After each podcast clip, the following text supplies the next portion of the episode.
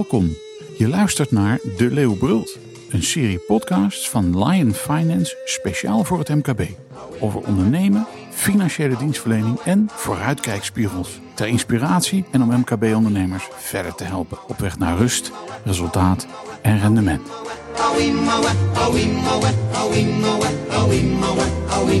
Fijn dat je luistert. Prinsjesdag 2022. Niet alleen het traditionele begin van het parlementaire jaar, maar ook een stortvloed aan kabinetsbesluiten en maatregelen met grote effecten voor gewone mensen en MKB-ondernemers, waarvoor we deze De Leeuwbrult podcast nu eenmaal maken. Dit jaar wijden we een aantal podcasts aan de duiding van wat we op de derde dinsdag van september hebben gehoord. En dat doen we als altijd met Hans Schreuder, fiscalist to share van Lion Finance. En vandaag de eerste aflevering. Overigens, wil je er precies een overzicht hebben van alle fiscale maatregelen die zijn langsgekomen? Kijk dan naar de website van Lion Finance, want daar kun je ze allemaal vinden. Hans, van harte welkom na deze derde dinsdag in september. Er zijn, er zijn een heleboel dingen waar we het over willen hebben de komende weken. Maar laten we eens beginnen met. Uh, nou, we hebben natuurlijk de, de miljoenennota gehad. En uh, we hebben natuurlijk te maken met een energiecrisis. Daar zijn we het met z'n allen wel over eens. En ja, over die MKB-ondernemers en de energiekosten. Daar is men nog over aan het nadenken. Of, of, of weet men het al? Hoe zit dat, uh, Hans? Ja, dat is een hele uh, goede en terechte vraag. De miljoenennota heeft, zoals je al aangaf, in het teken gestaan van het beheersen van de energiecrisis. Men heeft een oplossing bedacht in, in de vorm van het hanteren van een prijsplafond. En die oplossing is gericht op particulieren. Niets is nog bekend over de compensatie, die uiteraard dringend noodzakelijk is voor het MKB.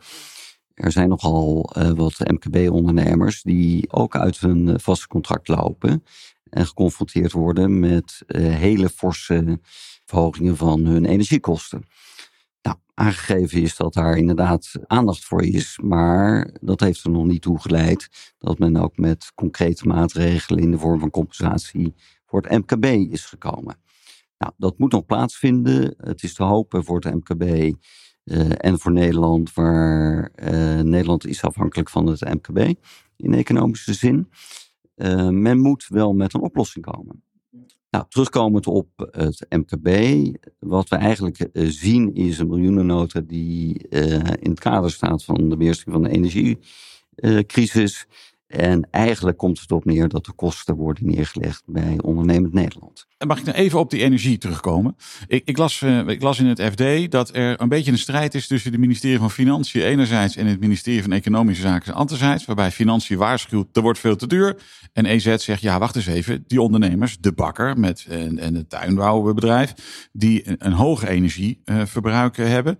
En terecht wat jij zegt, daar moet echt iets voor gebeuren. Ja, uh, nu kan ik me in alle fairness wel voorstellen dat het uh, ingewikkeld is. Uh, dat men zal moeten nadenken over een regeling die er in ieder geval voor gaat zorgen dat de compensatie, die inderdaad een hoop geld zal gaan kosten, daar terechtkomt waar, waar het nodig is.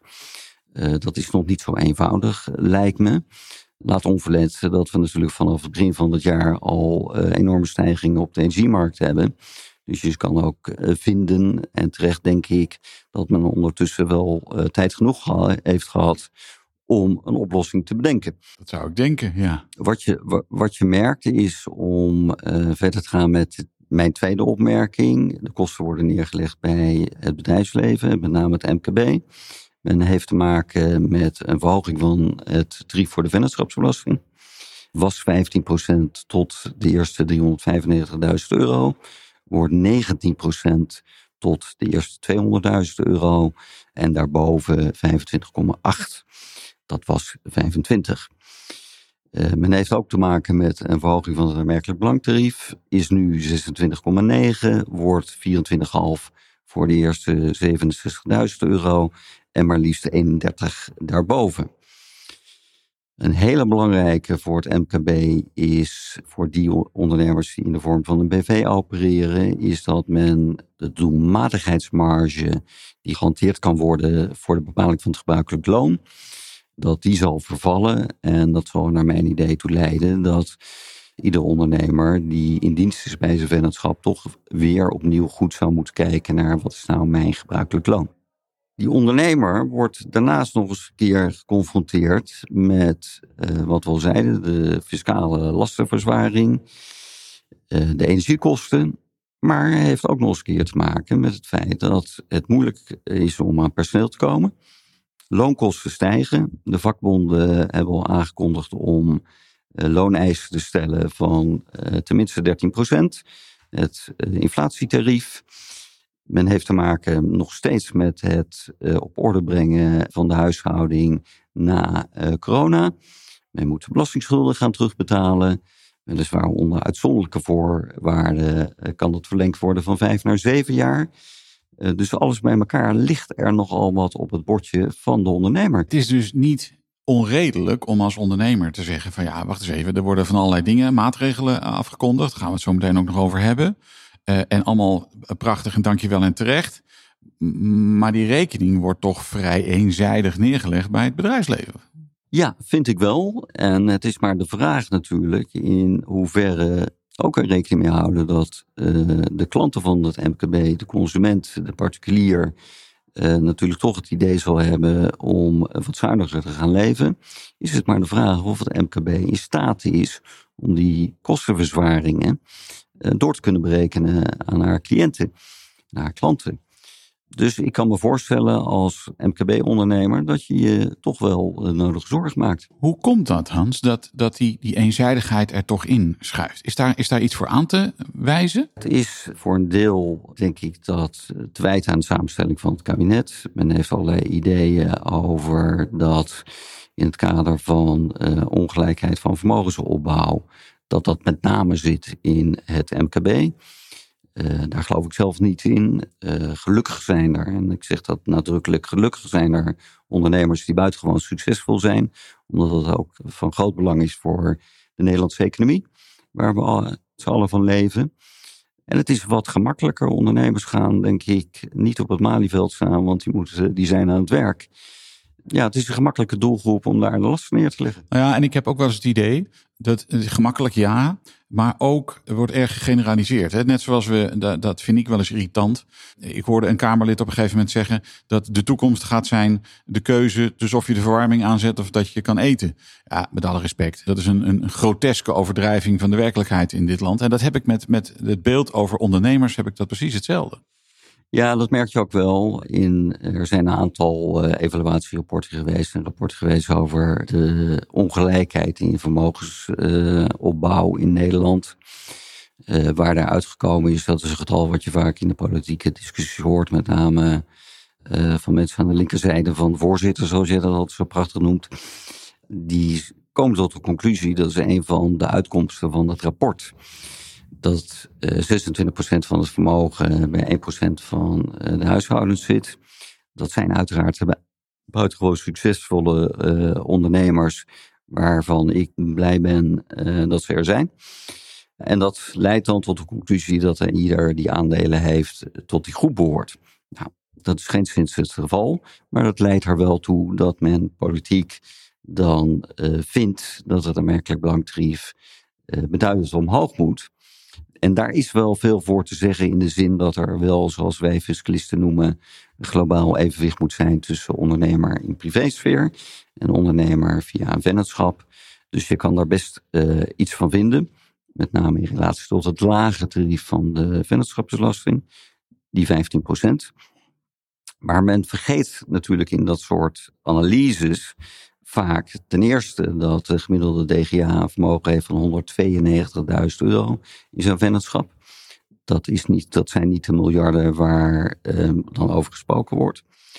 Uh, en ten tweede zijn er natuurlijk ook winstreserves die ook uit het verleden komen. Dus niet uh, belast zijn met 15%, maar er zijn ook reserves die belast zijn geweest met 48% toen ik begon als fiscalist, en dat is inderdaad inmiddels al een tijdje geleden, hadden we een VPB-tarief van 48 procent. En uh, slechts uh, de afgelopen jaren is dat uh, aanmerkelijk naar beneden gebracht. Maar een groot deel van die winst is niet belast met 15 procent. Dus er ontstaat wel, historisch gezien, een opeenstapeling van, van heffingen. Daar gaan we overigens apart nog een podcast aan leiden aan box 3, hè, want dat heeft hiermee te maken. Eh, daar hebben we al eens eerder een podcast mee gemaakt, sterker al twee. Dus als je die wil beluisteren, kijk dan even bij De Leeuw eh, Brult. Ten aanzien van box 3 zeg jij, er zijn dingen te melden, maar daar gaan we dan een aparte aparte ja, podcast om het eh, heel kort te houden. eh, er zijn een tweetal eh, wetsvoorstellen ingediend. En in essentie zijn die eh, een codificatie van eh, de besluiten die eh, genomen zijn in het kader van het oplossen van dat probleem met betrekking tot box 3. Eh, wat denk ik nog wel goed is om hier nu alvast te melden, is dat het voorstel, het idee om te gaan belasten tegen werkelijk rendement, zou ingaan in januari 2025. Maar dat kan om allerlei redenen, eh, kan de Belastingdienst dat niet aan. Dus men verwacht nu dat dat ingang kan vinden in januari 2026. Er, er is nog heel veel over te vertellen over, over box 3. Maar dat doe ik graag met je in een eh, volgende podcast. Afgesproken. Dan even nog, eh, we hadden het net over inkomen, over salarissen. Twee elementen. Eh, wat we zien is, wat je hebt je zelf al aangegeven, wat je ziet is dat de vakbonden inmiddels met een, met een, een looneis komen van tegen de 10%. Er zijn twee elementen over te zeggen. Eén, er ontstaat een enorme stapeling van plussen, zal ik maar zeggen. Er zijn ook problemen, daar geen misverstand over, maar er ontstaat een stapeling. Daar wil ik het even met je over hebben. Maar laat ik beginnen met, jij bent buitengewoon enthousiast, heb jij gezien dat er een verlaging is van de inkomstenbelasting. Hè? En die hakt er enorm in, toch? Ja, nee, ik uh, heb mij eerst buitengewoon geërgerd aan de opmerking in de, op de website van het ministerie van Financiën. Die trots vertelde dat het tarief van de inkomstenbelasting naar beneden gaat. Uh, met als doel om het aantrekkelijker te maken voor mensen om te gaan werken.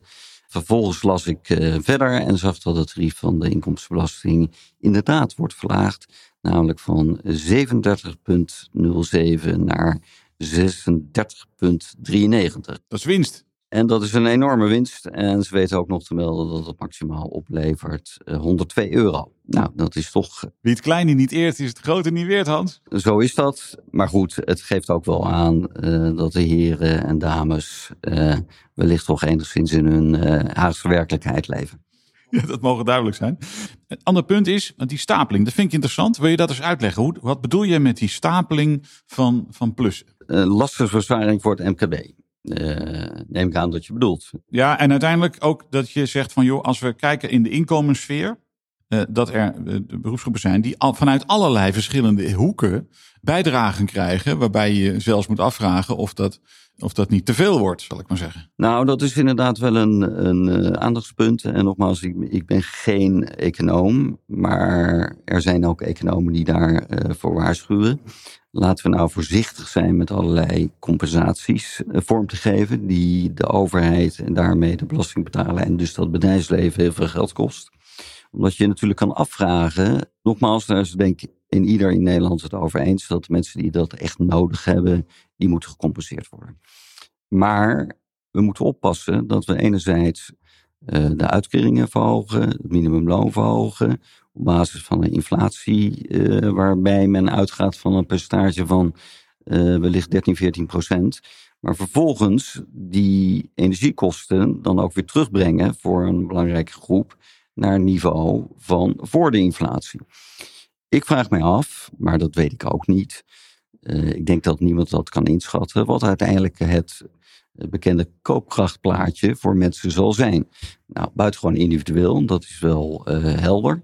Maar het zou ook nog wel eens door die opeenstapeling reuze mee kunnen vallen. Sterker nog, dat we achteraf moeten zeggen, ja eigenlijk hebben we wel heel veel gecompenseerd. Ik weet niet of dat het geval is.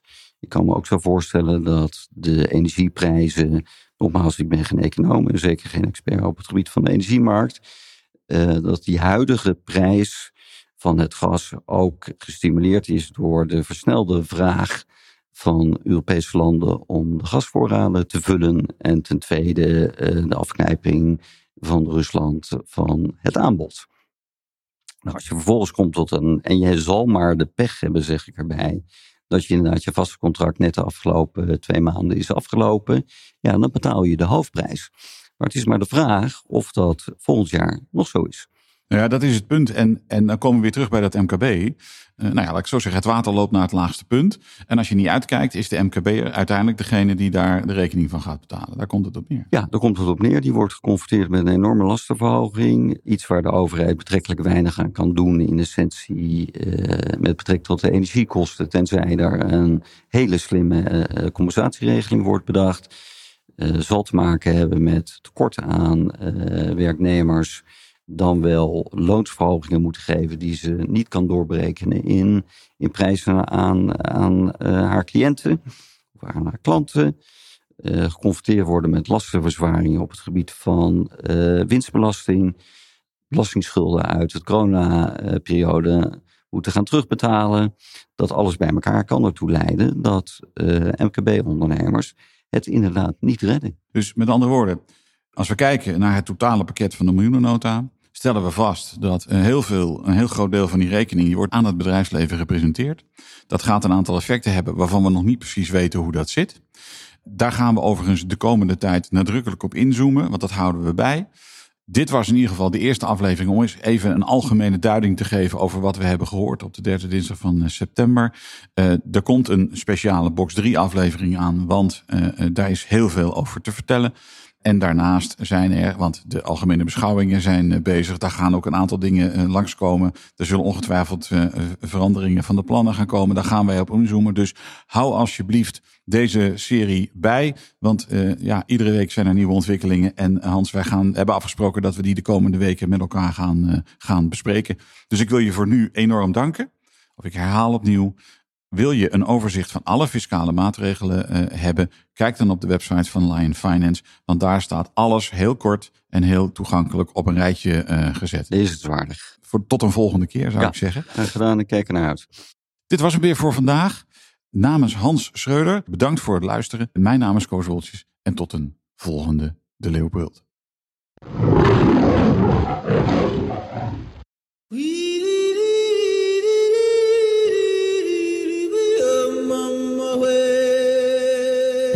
Luisterde naar De Leeuwbult, een podcast van Lion Finance, speciaal voor het MKB.